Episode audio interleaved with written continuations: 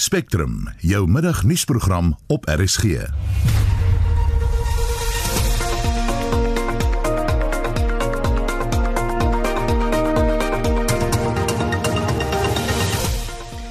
die program president Cyril Ramaphosa kan nie in hierdie stadium gedwing word om op die voormalige Eskom baas Brian Molefe se aantuigings te reageer nie.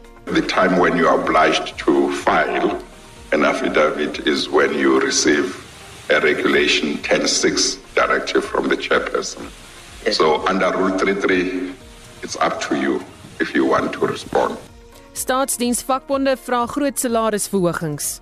Hold on, Magwena. Am I understanding you correctly? Are you saying that public sector workers should pay less tax than private No, sector I'm workers? saying, yeah, I mean, Panyas has been calling for that to then say, look, if you don't have money to give them the increases, try to increase their, their disposable So, so, income. so, so At hold on. the. The cleaner in government who gets a higher salary than the cleaner for a private company, the cleaner But in the government cleaner should pay less tax when they're richer already.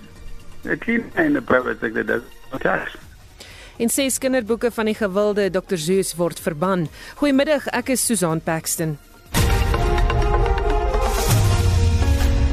Dis bykans 9 minute oor 1 jy luister na Spectrum hier op RSG. Koi en San aktiviste teruggekap na die burgemeester van die Nelson Mandela Bay Metro se kritiek oor die naamsverandering van Port Elizabeth na Kwebega. Die burgemeester Ngaba Banga sê die naam het geen betekenis in Khoza nie. Christian Martin, 'n Koi aktivis sê die burgemeester saai etniese verdeling met sy stellings. Kom ek sê so, as dit kom by die burgemeester se argument, dan dink ek ehm um, dit is 'n argument wat ek sal noem lei vir ehm um, denke. Die rede hoekom ek so sê is die burgemeester het duidelik sy huiswerk gaan doen. Ek gaan so dit noem is dat daar twee dinge. Een, hy moet verstaan dat die koei in die san uh, in besonder in die area waar ons van praat Gebega, um in die Bakensrivier area het saamgeleef al die jare. Nou dis 'n nuwe skepping wat ek deesdae gebruik. Ek sê dat koei taal was gekoloniseer gewees. Wat maar dit beteken omdat die twee bymekaar gelewer het, die Khoi en die San het van hulle taal afstand gedoen vir Afrikaans en kolonisering soos dit aangegaan het, het hulle nog behoue gebly soos die kliekgeluid en sekere bewoordinge, ewensoos hulle god wat hulle vernoem is die god wat die Khoi van praat, Tiko. Dit is na God verwysend. daarmee sê ek net is dat hy moes daai tipe huiswerk eers gedoen het voordat hy na vore kom om te sê een, dit is nie 'n posa woordie. Twee, die woord het nie betekenis nie. Kom ek kom terug dat dit is nie 'n posa woord nie. Vir my is dit baie duidelik dat dit is juis 'n posa woord vir die klik wat geneem was vanaf die koi en die san Tebega. So daarmee wil ek net sê is is dat as ons dieper gaan in die woorde Onthou die woord is 'n beskrywende woord. Is 'n beskrywende woord vir iets vir die area rondom die Bakens Vallei rivier, rondom Tebega rivier. Dit beskryf die area. So die area was baie geelgroen geweest, mooi groen. Daar was bome van verskillende soorte in die area en met my navorsing wat ek nog mee steeds besig is, kom ons toe daarop neer en ek is baie besig om om om om te bewys dat dit is 'n Khoza woord en dit het betekenis. In die Khoza is daar 'n van Keba. Nou Keba beteken eintlik false olive. Keba beteken boom, boompie, false olive. En my huiswerk wat ek wil doen is, is om vas te stel of daar in die Kabiga area so 'n uh, um, 'n bome gegroei dit al dan nie. As daar wel 'n teba wat 'n boom beteken en met verder te vat, 'n false olive tree of 'n wit olieboom iets in daai rigting. Ek is nog besig soos ek wou sê met my dinge se. Dan die woord tebega. Die ga gedeelte beteken plek van dan sit ek die twee bymekaar dan beteken dit die plek waar jy die false olive trees gaan kry of die bome sal dan kry. In die Khoza sal baie mense van die Khoza met my saamstem of selfs ander wat dit wel verstaan die ta gedeelte is verwysende na 'n plek. So dit is die plek waar die false olive trees dan gaan ek verder om te vra wat het hulle gedoen met die false olive trees? Wat gebruik vir assegaaie. Dit bring my terug wat die Khoisan gebruik het wat die Khoza gebruik het die die agterhand die um, hout handvatsel. Dit is waarvoor die Kebla staan en gebruik was. So daar's 'n bietjie leiheid van denke van die Meyer se kantoor om net af te skrywe as 'n nie Khoisan woord en as ook 'n woord wat die betekenis het. Ja. Ek is Afrikaans spreekend, maar ek het my huiswerk 'n klein bietjie gedoen. Nog ja nie, maar ek is besig om daar te kom wat die naam betref. Voel jy dat hy etniese verdeling saai deur aan te dring dat dit nie 'n Khoza woord is nie? Ek sal definitief so sê om eerlik te wees, né? Ek voel as 'n tribalism want ek as jy so sterk kan uitkom omdat dit nie 'n Khoza woord is nie en omdat dit volgens hom nie Khoza betekenis het nie, het ek 'n ernstige probleem. Nee, dit dit moet nooit daaroor gegaan het dat die woord nie 'n Khoza woord is nie, dat die woord nie 'n Khoza betekenis het nie. Dit moes nooit daaroor gegaan het nie. Ek sê net voorbeeld Die voorwoord van ons konstitusie is duidelik. Die konstitusie sê dat moet regstelling gedoen word aan die verlede. Nou regtig waar mense, kom ons dink nou net gou daaroor. In die land van 1992 af is daar niks wat vir die koei en die san gedoen was in die hele land Suid-Afrika nie. Kom ons vat byvoorbeeld voor 1994 Kodessa. Daar was geen verteenwoordiging gewees van die koei en die san nie. David Kruiper wat ek amper kan sê so laaste groot man was. Dit is buite aan Katrina, koningin Katrina van die Noord-Kaap. David Kruiper was hy daar nie. En Katrina Esau was nie daar nie. So ons as hier is daar verteenwoordig nie. Dan kom ek nader na die Waarheids- en Versoeningskommissie. Daar was niemand van ons daar gewees, maar ons was uitvermoor tot op die die rand van uitwissing. So Stabo Mbeki en Iman African sal sê maar ons was nêrens nie. Hier kom ons nou en ons skryf darm drie naampies. Nou is 'n probleem dat ons drie naampies kry soos die meier sê dit is te veel. Khoisan naam in die hele land. Kom ons met drie naampies op en dit raak 'n probleem vir mense. Kom ons wees daarom regtig net redelik vir een keer in Suid-Afrika. En dit was Christian Martin, 'n Khoi aktivis. Die ANC in die Wes-Kaap het die televisienetwerk ENCA 14 dae tyd gegee om op sy eise te reageer na betoging deur die politieke party gister by die nuusagentskap se kantore in Kaapstad. Die betogings volg nadat 'n video van 'n ENCA-verslaggewer wat onderhoude by die parlement gevoer het versprei is, Esie de Klerk berig. In die video kan gesien word hoe die verslaggewer Lindsay Dentlinger swart LPs vra om hulle maskers te dra voordat sy onderhoude met hulle buite die parlementsgebou voer, maar sy vra dit nie aan wit LPs met wie sy onderhoude voer nie. Die ANC se sameroeper in die Wes-Kaap, Lerumo Kalaku, sê hulle sal voortgaan om te betoog as daar nie aan hulle eise voldoen word nie. We demand the station to actually send unconditional apology to all South Africans and NCA to send its journalists and management to human rights training so that they can learn values of equality and non-racialism. And also they must publicly acknowledge its history of mistreat of its black journalists, some of whom couldn't stay and were forced out. ENCA se uitvoerende hoof vir nuus in Kaapstad, Noronisa Ali, sê Dentlinger het om verskoning gevra aan die LPs wat in die video gesien kan word. She has apologized to both Mr. Kwankwa as well as Mr. Klengwa. There's a video of him also doing the rounds, taken in a previous occasion, and she's apologized to them. They've had relations and they've had a working relationship for many years, and she has apologized for the fact that her behavior was deemed as being disrespectful to two individuals who she doesn't disrespect.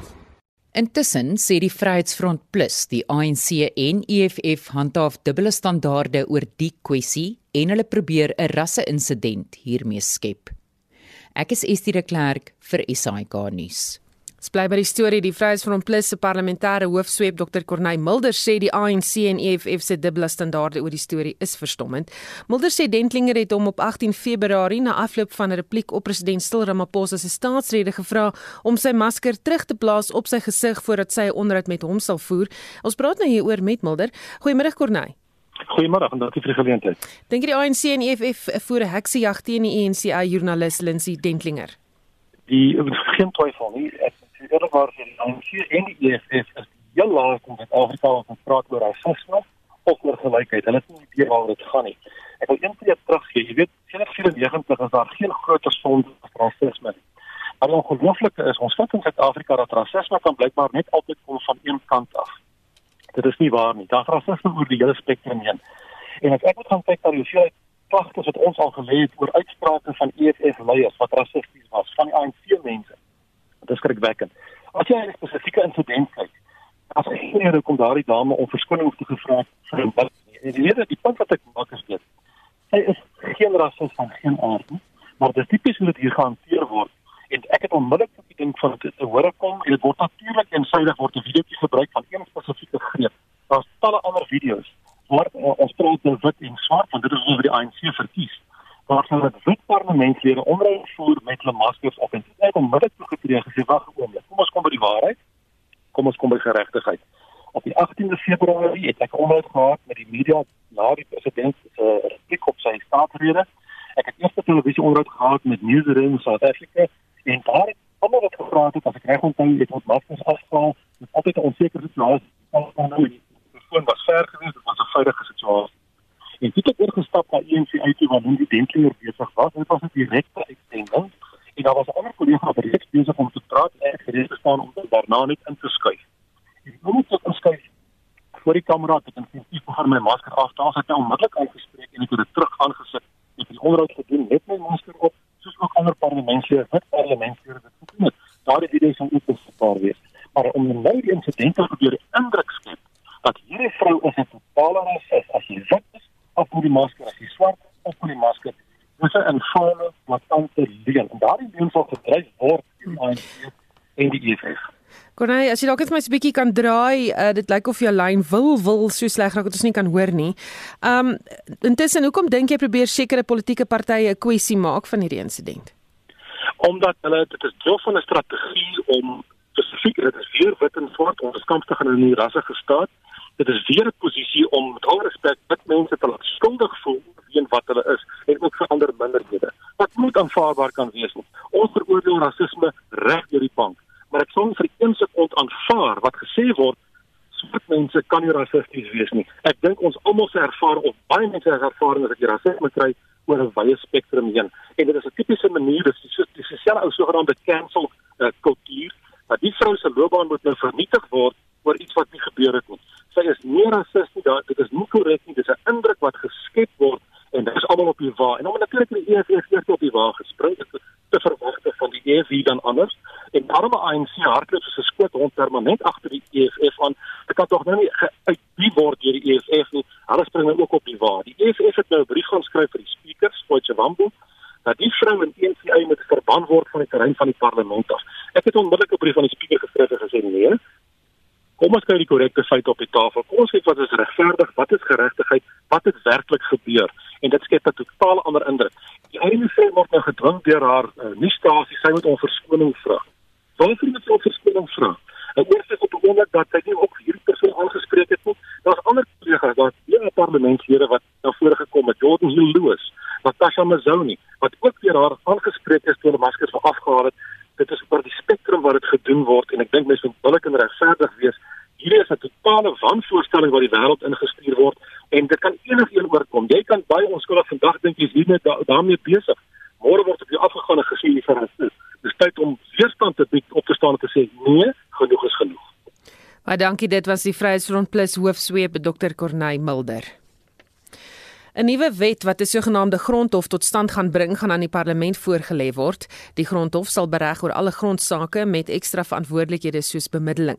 Die woordvoerder van die minister van Justisie, Crispin Peri, verduidelik wat presies daar beoog word met die nuwe hof.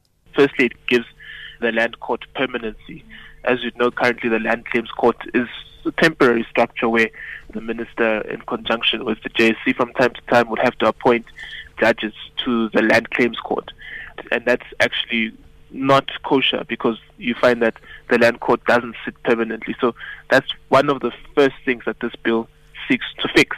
But also, what it does, quite interestingly, is that it introduces alternative dispute resolution mechanism. So where there are disputes on land, there can be an arbitration and mediation process akin to that of the CCMA, where you can be represented in that process by a land activist or someone who has intimate knowledge of the subject matter.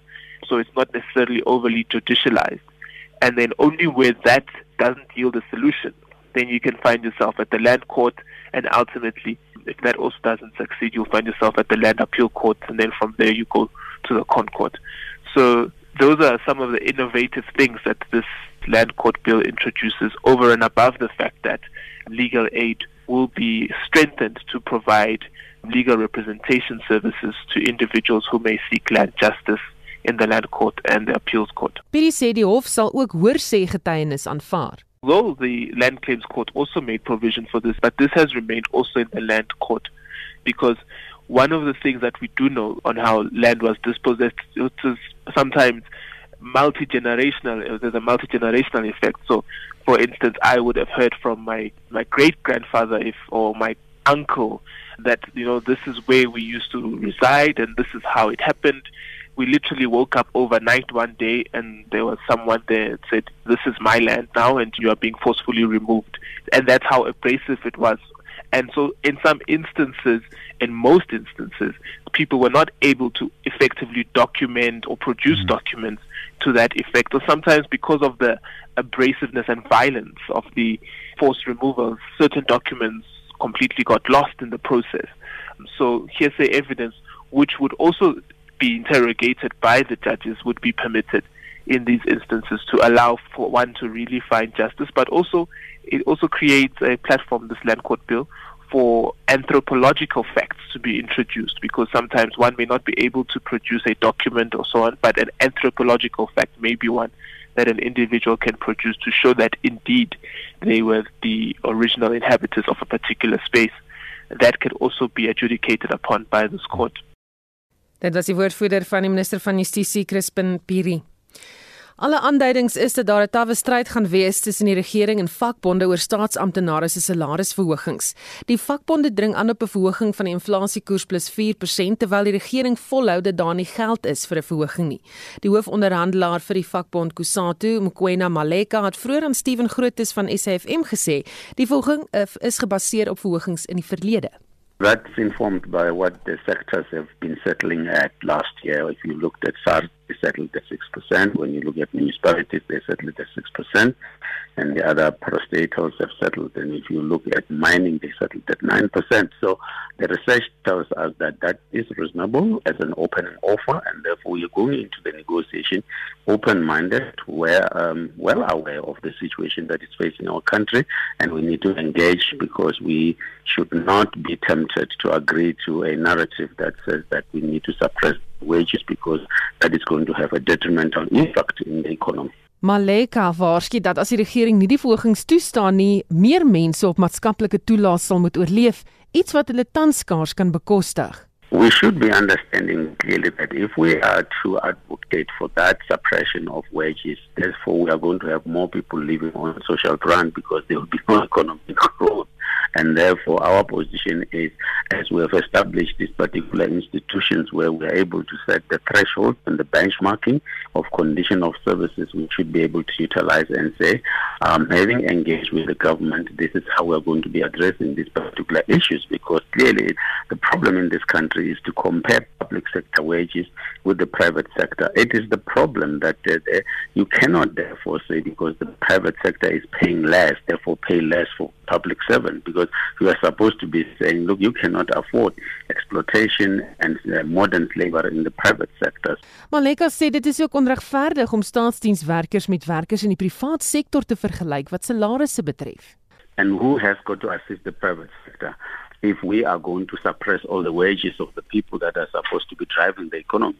So this argument that the public servants are not driving the economy is something that basically is wrong because public sector they are part of the economy. They drive the economy through demand, but through consumption, but also they pay taxes at the end of the day. And in this country, the companies are not paying taxes like personal taxes. The personal taxes are high, and I can see that in terms of the budget, yes, of course, there are those who are going to be able to benefit. But if, if therefore we were to be able to reduce the taxes that the public sector members are paying, and therefore they have got something is in the form of a disposable income. Maleka het ook tot die ongeloof van die onderhoudvoerder daarop gesin speel dat staatsdienswerkers minder belas moet word as werkers in die privaat sektor.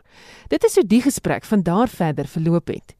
Hold on, Magwena. Am I understanding you correctly? Are you saying that public sector workers should pay less tax than private sector no, workers? Saying, yeah, I mean, Panyaka has been calling for that to then say, look, if you don't have money to give them the increases, try to increase their, their disposable so, income. So, so, so hold on. The, the cleaner and the, the, cleaner in government who gets a higher salary than the cleaner for a private company, the cleaner but in the government cleaner should pay less tax when they're richer already.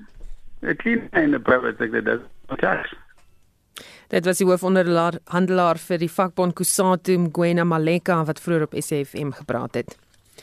Die Staatse Forensiese Wetenskap Laboratorium se registerstelsel om DNA-bewysstukke elektronies te kan ontleed en bewaar, is reeds sedert Junie verlede jaar nie in werking nie. So beweer die bur burgerregte groep Action Society. Die groep sê dit het verrykende gevolge vir veral geslagsgebaseerde misdade, dit 'n klerk berig. Volgens die polisie was daar in middel November 'n agterstand van sowat 117700 onverwerkte DNA-toetse. Weens die elektroniese stelsel wat nie werk nie, moet die toetse met die hand verwerk word, sê die woordvoerder van Action Society, Dr. Renay Pretorius. Pretorius sê 'n tekort aan fondse vir verbruikersgoedere en tenders word as verskoning voorgehou oor hoekom die stelsel nie reggemaak kan word nie. Die publiek moet verstaan dat daar 'n ketting van gebeure is vanaf 'n slagoffer 'n voorval by 'n polisiestasie aanmeld totdat DNA-bewyse aan 'n hof voorgelê kan word. Indien hierdie stelsel nie in plek is nie, sal dit die ketting van bewaring bloot en die geloofwaardigheid van bewysstukke kom in gedrang. Action Society is bekommerd dat daar duisende hangende verkrachtingssake juis hieroor in die weegskaal is en moontlik van die rol geskraap kan word. Pretoria sê hulle wil weet hoekom die stelsel so lank al nie herstel word nie, wanneer dit herstel gaan word en wat die regering se plan is. Ons het reeds die hoof van die Forensiese Wetenskapslaboratorium, generaal-majoor Edward Nkhoka, gekontak, maar hy was nie gewillig om gister hieroor kommentaar te lewer nie. Pretoria sê die regering val sy landsburgers. Action Society meen die probleem kan alleenlik opgelos word indien die regering bereid is om vennootskappe met private laboratoriums te sluit wat oor die nodige hulpbronne en kapasiteit beskik. Ek is Estie de Klerk vir SAK nuus. Jy luister na Spectrum elke weekmiddag tussen 1 en 2. Half 2 en in die program Groot Nuus word bekend gemaak oor die COVID-19 variant wat in Suid-Afrika geïdentifiseer is. The bottom line is that there does seem to be in people infected with the new variant a greater capacity to neutralize either variant than what we perhaps expected and what we have seen before. En ses kinderboeke van die gewilde Dr Zeus word verban. What people need to realize is if Dr. Seuss can get canceled, what can't be? I mean, really, this is a kid's book.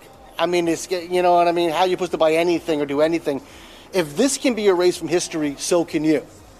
And you should remember that. Bly ingeskakel. Wetenskaplikes het kort voor Spectrum saam met die minister van gesondheid en die minister van hoër onderwys, wetenskap en tegnologie hulle jongste navorsing oor die 501IV2 variant van die koronavirus bekend gestel. Die navorsing wat gedoen is deur die KwaZulu-Natal Navorsingsprogram CRISP en verskeie ander universiteite word as 'n moontlike deurbraak beskou in die stryd teen COVID-19. Kortom glo wetenskaplikes nou dat mense wat met die variant geïnfekteer is, beter weerstand kan bied teen die oorspronklike variant en ander nuwe variante. Hier is 'n uittreksel van professor Penny Moore aan die Wits Universiteit in Johannesburg se voorlegging. Neutralizing antibodies elicited by the new variant are somehow different in their ability to be able to recognize not only their own virus but also other viruses. We started to extend this work, of course, 501 by 3, and that variant was initially identified in Brazil. And so what we've done here is to ask the same question in a much smaller, unfortunately at this stage, much smaller set of individuals, only seven. Are the antibodies that are triggered by 501YV2 able to recognize the variant detected in Brazil? And as you can see, they are able to recognize the variant from Brazil. And actually, of that small subset, none of them are completely resistant to neutralization. Unlike the antibodies that were triggered by the original variant, these antibodies seem somehow to have a little bit more breadth. How they do that is the subject of future work and is important to understand. We need to understand which bits are the target of these antibodies because that will be crucial to understand both in, in terms of uh, vaccine design but also in understanding people's risk of reinfection. But the bottom line is that there does seem to be in people infected with the new variant a greater capacity to neutralize either variant than what we perhaps expected and what we have seen before. Nou ja, vir meer hieroor praat ons met Dr. Angelique Kutse, die voorsitter van die Suid-Afrikaanse Mediese Vereniging. Goeiemôre Angelique. Middag en goeiemiddag aan al jou luisteraars daar buite. In eenvoudige woorde, wat beteken hierdie nuwe bevindinge? Sjoe, ehm um, so wat dit beteken is net dat ehm um, ons weet dat hierdie virus die gemuteer. Er het 'n daai drie tipe mutasies ondergaan, waarvan twee van die mutasies baie moeilik deur ons immuunstelsel opgetel word en die V2 variant word wel deur ons immuunstelsel opgetel. En um, dis 'n die vinnig verspreide een. Uh baie vinniger wat hy versprei as wat die eerste variant was of die eers in die variant wat ons in die eerste fase gesien het. En en wat ons moet weet is dat as jy die tweede variant gekry het het jy hoogs waarskynlik ook dan antiliggame teenoor die eerste variant. Maar as jy die eerste variant gekry het, gaan jy waarskynlik nie antiliggame hê teenoor die tweede variant of nie so antiliggame nie. Volgende ding wat ook baie moeilik is wat ons ook moet onthou is dat hierdie ehm um, uh, uh, antiliggame wat ons kry kan dalk moontlik uh, afgaan. Dit gaan nie daar bly nie maar tyd gaan ons weer hierdie stadium bespiegel ons dat dit dat jy wel as jy die as jy die infeksie gehad het dit wel weer geïnfekteerd kan word uh makliker maar as jy geïnfekteerd word makliker hoort jou liggaam om dan ook makliker op te tel want hy was alreeds een keer daarmee in aanraking halwe as dit 'n nuwe variant is Angelique, jou sein breek breek weg so effens, miskien dalk net vir ons skuif na 'n bietjie sterker sein toe. Ehm um, dan hoe betroubaar is hierdie bevinding? Span ons nie dalk die wa vir die perde nie. Hierdie is baie betroubare bevindinge. Uh dokter uh uh Penny se se se se werk wat sy gedoen het is baie goeie werk. En dit was eintlik grond 'n uh, uh, uh, uh, groundbreaking tipe werk. En vir ons baie baie geleer. Hulle het begin met hierdie werk werke van hulle toe die eerste agter die tweede variant veral in Port Elizabeth gekyk het in in in in in, daai metropool waar hulle toe gesien het hier hierdie hier is iets anders staan in gang. En danksy ons ehm um, wetenskaplikes wat wat elke keer gegaan het en gaan kyk het na die verskillende aminosuur wat hierdie virus uit bestaan. Het ons was ons wetenskaplikes die wetens die, die, eerste mense wat die amper sê die vletjie geblaas het op hierdie variant en dan ook vir Engeland laat weet dit hulle was op daardie stadium nog nie bewus daarvan gewees nie. En vir hulle gesê ons het 'n variant en hulle het toe ook begin toets en gesien hulle het ook 'n ander variant waarmee hulle sukkel wat nie staat is as ons variant nie. Maar hier is alles danksy die die die die die werklike deurbraak navorsingstipe werk wat ons ehm um, wetenskaplikes in Suid-Afrika gedoen het en, en nog steeds doen beteken dit moontlik dat die ergste byna verby is van fase 2 is definitief verby. Maar die virus is nog steeds daar. As jy gaan kyk na, daar's nog steeds daagliks nuwe gevalle wat aangemeld word, maar dit het afgeneem. Die tempo is baie baie stadiger. Daar kom verskeie redes wees daarvoor, weet ons spekuleer nou maar deur te sê dat dat ehm um, die feit dat mense nog steeds hulle maskers dra, dat ons uh eh, byeenkomste soos uh begrafnisse en groot sportbijeenkomste en baie tipe goed ehm um, weet beperk het met die aantal mense speel alles 'n rol. Maar ook jy weet ehm um, die virus self kan net besluit het om bietjie dormant te raak. En ons kan ons gaan net jy weet vorentoe gaan ons moet sien en kyk wat gebeur want soos ek sê soos alles is maar spekulasies en wat gebaseer is op ehm um, van die die wetenskaplikes um, sit van hulle vindinge op soos wat hulle veral met die HIV virus gesien het die SARS virus uh, Ebola en daai tipe virusse en hulle gebruik dit dan nou om te sê, okay, dit is wat ons dink wat gaan gebeur. Maar die in werklikheid gaan die tyd ons vertel wat gebeur. Baie dankie. Dit was Dr. Angelique Kutse, die voorsteur van die Suid-Afrikaanse Mediese Vereniging. Ons beweeg na die sportveld met Shaun Jooste. Ons begin met cricketnuus. Australië het die derde wedstryd van hulle T20 reeks in en teen Nieu-Seeland met 64 lopies gewen. Die Aussies het eerste gekolf en 208 vir 4 op die tellbord geplaas met Glenn Maxwell wat 70 en Aaron Finch wat 69 aangeteken het. Nieu-Seeland is vir 144 uitgeboonder. Die Aussie draaibouler Ashton Agar het 6 paaltjies vir 30 lopies platgetrek. Nieu-Seeland loop 2-1 voor met nog 2 wedstryde wat oorbly. Die Windies en Sri Lanka pak mekaar vanaand van 12:00 af in die eerste van 3 T20 wedstryde. Die toer bestaan ook uit 3 eendagwedstryde en 2 toetse. Sokker. In die DStv Premier Liga speel Chippa United 3 uur teen Cape Town City en Golden Arrows 5 uur teen Baroka FC. Vanaand in die Engelse Premier Liga kom Burnley teen Leicester City en Sheffield United teen Aston Villa. Dit is 8 uur en kwart oor 10 Crystal Palace teen Manchester United te staan. En laastens op die tennisbaan in die manstoernooi in Rotterdam in Nederland stap David Goffin van België in die tweede ronde teen die Duitser Jan-Lennard Struff. Die wêreldnommer 3 speler Daniel Medvedev van Rusland teen Dusan Lajovic van Servië en die Aussie Alex de Minaur teen Kei Nishikori van Japan op die baan uit. In die derde ronde van die vroue ope in Qatar, mee die Amerikaner Madison Keys later teen Maria Sakkari van Griekeland, Arina Sabalenka van Belarus teen die Spanjaard Carbine Muguruza en die Tsjeeg Karolina Pliskova teen Onsebier van Tunesië kragte. Shaun Jooste van RSG Sport.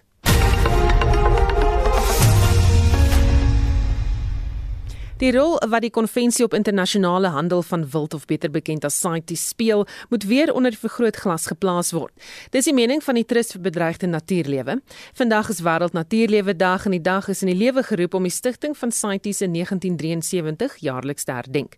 Vanjaar die tema woude en oorlewing, hoe om mense en dier te laat oorleef in hierdie wêreld. Dr. John Tarrant, die bestuurder vir die Trust se Bedreigde Amfibiese Spesies program sê woude speel 'n baie belangrike rol in ons oorlewing. And happy World Wildlife Day to you all too. Um, so the theme this year is forests, and obviously forests make up a large proportion of the globe's biodiversity, and importantly, they are the lungs of the world. They play a huge role in providing us with the air that we breathe. So it's great that they are recognized for this year's campaign. Sy sê ongelukkig is die gebiede geweldig bedreig. Unfortunately, forests, as with most wild places are not doing well. And with forests, due to mostly the massive destruction of the rainforests in South America, for agriculture, we've lost 50% of forests there. And the picture in Africa also doesn't look great. Lots of forests being lost due to conversion for food production as well as for mining. Darren sê CITES en die wetgewing daaraan verbonde is 'n baie komplekse kwessie. CITES is a complicated issue. And, you know, I think, you know, what we've seen happening in the world more recently is that, you know, when you have these regulations, it still doesn't stop the underground sort of trafficking black market type activities.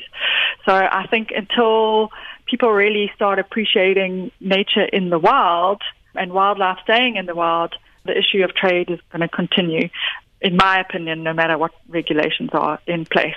Obviously, we need those regulations as well, and there has to be legal enforcement for these things. And, you know, without those, it could obviously be even worse. But we need to crack down across the board and really work on the level of people understanding that smuggling wildlife and keeping wildlife as pets is not something that we want to encourage. En dit was Dr. John Tarrant, die bestuurder vir Trust vir Bedreigde Natuurlewe se bedreigde amfibiese spesiese program. Ses kinderboeke wat die gewilde Dr. Zeus Dekaris gelede geskryf het, is verban omdat dit glo rassisties en ongevoelige verwysings bevat het. En dis nou wat die maatskappy wat gestig is om die nalatenskap van die oorlede skrywer te bewaar Dinsdag gesê het. Maar sommige lesers dink dit is 'n oorreaksie en 'n voorbeeld van kanselleerkultuur. Hendrik Martin berig. Die boeke And to think that I saw it on Mulberry Street, if I ran the zoo, McElligot's Pool, On Beyond Zebra, Scrambled Egg Super en The Cat's Quizzer, is onder die meer as 60 boeke wat Dr. Zeus, die pennaam van Theodor Geisel, wat in 1991 oorlede is, geskryf het. Die organisasie wat die skrywer se nalatenskap bestuur, Dr. Zeus Enterprises, sê in 'n verklaring dat die boeke mense soms op 'n kwetsende en onsensitiewe wyse uitbeeld.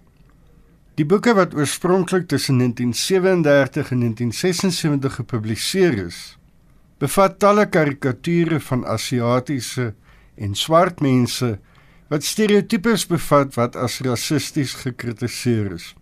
Maar aanhangers van Dr. Zeus soos Greg Zaire 'n 46-jarige kulinaire verkoopswerker, beskou die besluit as 'n oorreaksie. Not only did they do it, but they did it on his birthday. Like you've really had like you It seems a little bit unnecessary. Like, hey, let's wait for his birthday to insult him. You don't have to insult a dead man on his birthday, and he can't even defend himself. So I came in to see what kind of books, if I can get one of the banned books, and I actually found one. And I just read the whole thing. And I had to read it just to be like, what are they talking about? Now, I will say for the record that I, I'm a vegan, which is very ironic. So I'm anti eating eggs. So I could understand why, you know, like this is all about taking animals' eggs and eating them. But that being said, I wouldn't ban this book. It's just all about the cancel culture. I mean, it's getting to the point where you, you know, you, you get deleted from history. I mean, you got to think about. The, I mean, like there are so many things that you could delete from this world. If you listen to all the music and like lyrics and people talking about what the, I mean, what people need to realize is if Dr. Seuss can get canceled, what can't be? I mean, really, this is a kid's book. I mean, it's you know what I mean. How you supposed to buy anything or do anything? If this can be erased from history, so can you. And you should remember that. In die 50-jarige meganiese kontrakteur Milo Avidane sê dit is 'n belaglike soort sensuur. It's just a trail of censorship that's ridiculous at this point. So my wife told me this morning about they were banning five books of Dr. Seuss, so we came down to try to buy one. We saw one on Amazon that was selling for $900 this morning. so they don't have any in stock. I see that, so that's why we're here. To me, I think everyone should desensitize. Uh, you know, I'm, I, I'm, I'm, not, I'm not a guy who gets offended easily, and I think this whole society is way off the hook on just being overly sensitive, and it's leading to a lot of problems, a lot of chaos in the streets, a lot of riots, all this, all this stuff. Everyone's very sensitive, and uh, it's a problem in society today. Die Italiaanse joernalis Viviana Veneri stem saam. I have two kids, so uh, they love these books, and I think sometimes it's a, it's a pity not to be able to read them. Uh, today, also because I think we can't erase the past. I think we can learn maybe and can we can uh, help our kids to interpret the information they read. And also our eyes are a little bit different from theirs. I think they can I don't know, they are not so they enjoy maybe the book without criticizing the content. So maybe they pay attention to some details that are very important and nice. Uitgewers van die boeke is onder meer Random House en Vanguard Press. Dr. Zeus Enterprises sê dat dit saam met 'n paneel kundiges, waaronder opvoeders, gewerk het om die katalogus te hersien en het verlede jaar besluit om die publikasie en lisensiering te beëindig. Dit het verkies om die aankondiging op 2 Maart te doen, die herdenking van die geboorte van Geisel in 1904. In 1998 het die National Education Association sy verjaarsdag aangewys as Read Across America Day, 'n jaarlikse geleentheid wat daarop gemik is om kinders en tieners aan te moedig om te lees. Sy bekendste boeke, The Cat in the Hat en Green Eggs and Ham, was nie op die lys van boeke wat uit publikasie gehaal sal word nie. Hierdie bydraes met die hulp van Reuters saamgestel en ek is Hendrik Martin vir SAK nuus. Die kommissie van ondersoek na staatskaping het vandag voortgegaan om te luister na getuienis deur die voormalige bestuurshoof van Eskom Brian Molefe. Molefe het vandag getuig, hy het bewyse gevind dat president Cyril Ramaphosa wel die voorsitter van Glencore was. Hy het ook aan die kommissie vertel dat hy uit sy pos by die kragrees getree het omdat sy reputasie skade aangedoen is deur 'n verslag wat in daardie tyd deur die openbare beskermer vrygestel is waarna hy by staatskaping betrek is. Ets die klerk doen verslag. Molefe het vandag sy getuienis begin deur te sê hy het bewyse gevind dat Ramaphosa die voorsitter van Glencore was. Molefe het Ramaphosa vroeër betrek by die kaping van Eskom deur middel van sy posisie by Glencore. Hy het getuig Ramaphosa het invloed uitgeoefen op raadgewers om die belange van die buitelandse maatskappy te bevoordeel deur middel van sy posisie as die voorsitter van Eskom se sogenaamde War Room aan wie die Eskom uitvoerende raad direk verslag gedoen het. Vandag het hy gesê hy het nou bewyse dat Ramaphosa die voorsitter van Glencore was, 'n feit wat deur die voormalige Glencore bedryfshoof, Clinton Efron, in 'n verklaring aan die kommissie ontken word. Last night I was able to print a SENS announcement from Optima, which is a JSE announcement when listed companies make changes. And it lists Mr. Ramaphosa as being appointed as a non-executive director and chairman of the company, Optima. This is dated the 26th of March 2012. And the following day, three other publications ran with the announcement over and above the one that I quoted yesterday, which was Independent Online, Engineering News, and Mining MA. In my opinion, I think that there is sufficient evidence to show that Mr. Ramaphosa was indeed chairman. Getuienisleier advokaat Puli Seleka het gesê Molefe se beëdigde verklaringe is aan Ramaphosa gestuur, maar die president het nog nie daarop gereageer nie. Seleka het wel gesê hy het 'n brief van die president se kantoor ontvang. They have decided to wait until the Mr. Molefe has fully testified in order to file a written response or affidavit. So that's the position. We haven't received anything from the president yet. Molefe is uitgevra oor Eskom se sogenaamde war room wat destyds deur oud-president Jacob Zuma ingestel is.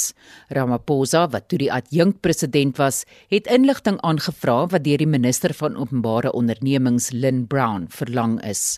Maar Molefe het vroeër getuig die war room was behep met onnodige besonderhede in 'n tyd toe beurtkrag die belangrikste prioriteit moes wees.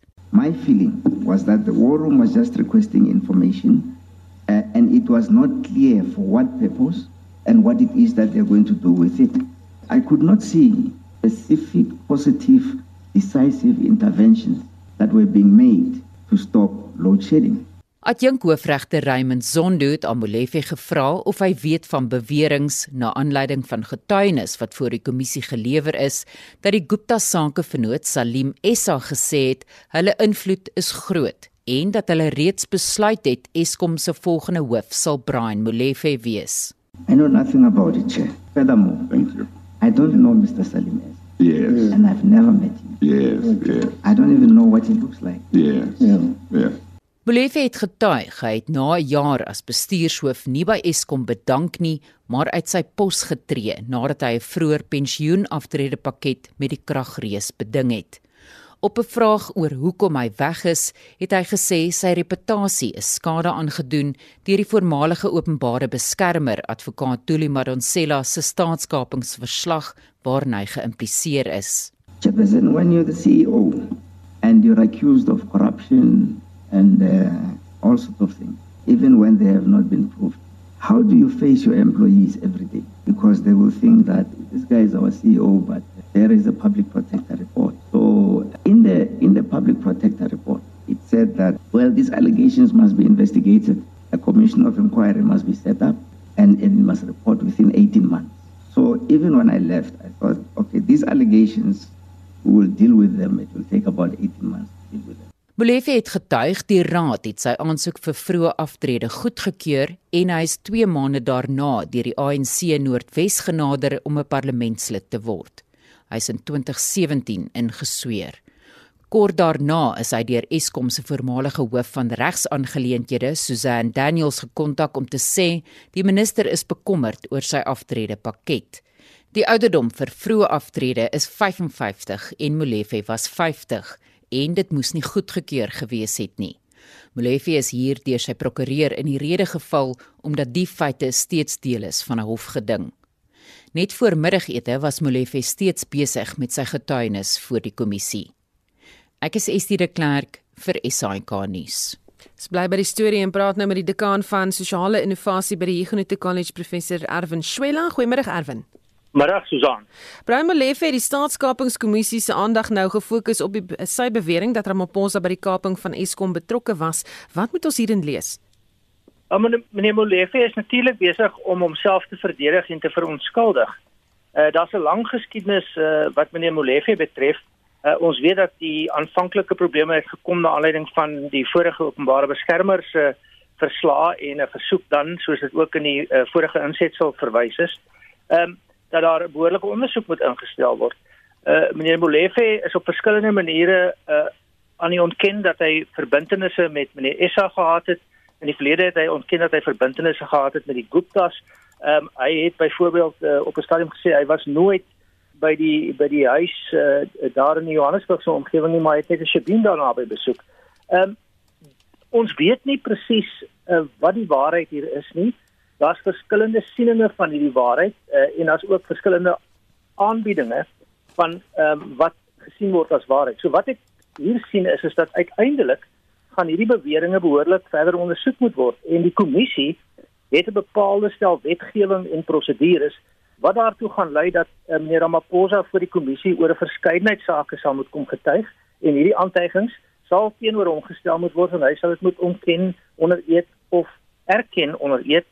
Hy gaan waarskynlik nie die opsie uitoefen van uh, meneer Zuma om nie te gaan getuig nie. Meneer Ramaphosa het dit al ontken.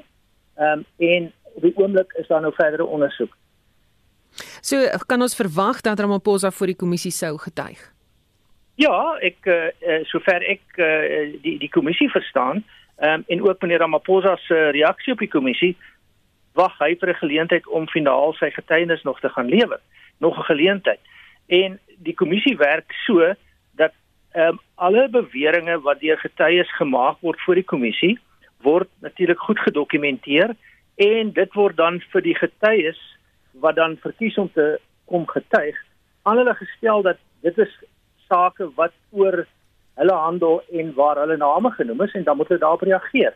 So meneer Ramaphosa het ehm um, na alle aanleidings aangedui dat hy is bereid om vir die kommissie te getuig en hy sal waarskynlik. Nou, het die indruk gekry dat Molefe 'n sekere doel gehad het deur Ramaphosa te probeer impliseer. Uit 'n verskeidenheid doele. Uh, die eerste is natuurlik om homself te regverdig en te verontskuldig die die tweede is om ehm um, hier 'n klomp nuwe feite ter sprake te bring wat in 'n sekere sin dan nou nog ongetoetste beweringe is wat uiteindelik dan getoets moet word. Die derde rede is is om die lang geskiedenis uh waar hy geïmpliseer word op een of ander manier te versag en te kontekstualiseer. So hy's besig uh met 'n uh verskyning vir die kommissie om homself te regverdig en terselfdertyd om 'n bepaalde konteks te skep om homself in 'n sekere sin te verontskuldig. Baie dankie, dit was die kan van sosiale innovasie by die Huguenot College professor Erwin Schwella. Die Ndlovu Jeugkoor het 'n verwerking van Louis Armstrong se liedjie Wonderful World gemaak om bewustheid te skep oor gehoorverlies. In die musiekvideo gebruik die koorlede gebaretaal om eh, die liedjie te beskryf wat hulle sing. Die groep sê hulle hoop met die liedjie om bewustheid oor gehoorverlies aan te moedig. Obuhle banomhlaba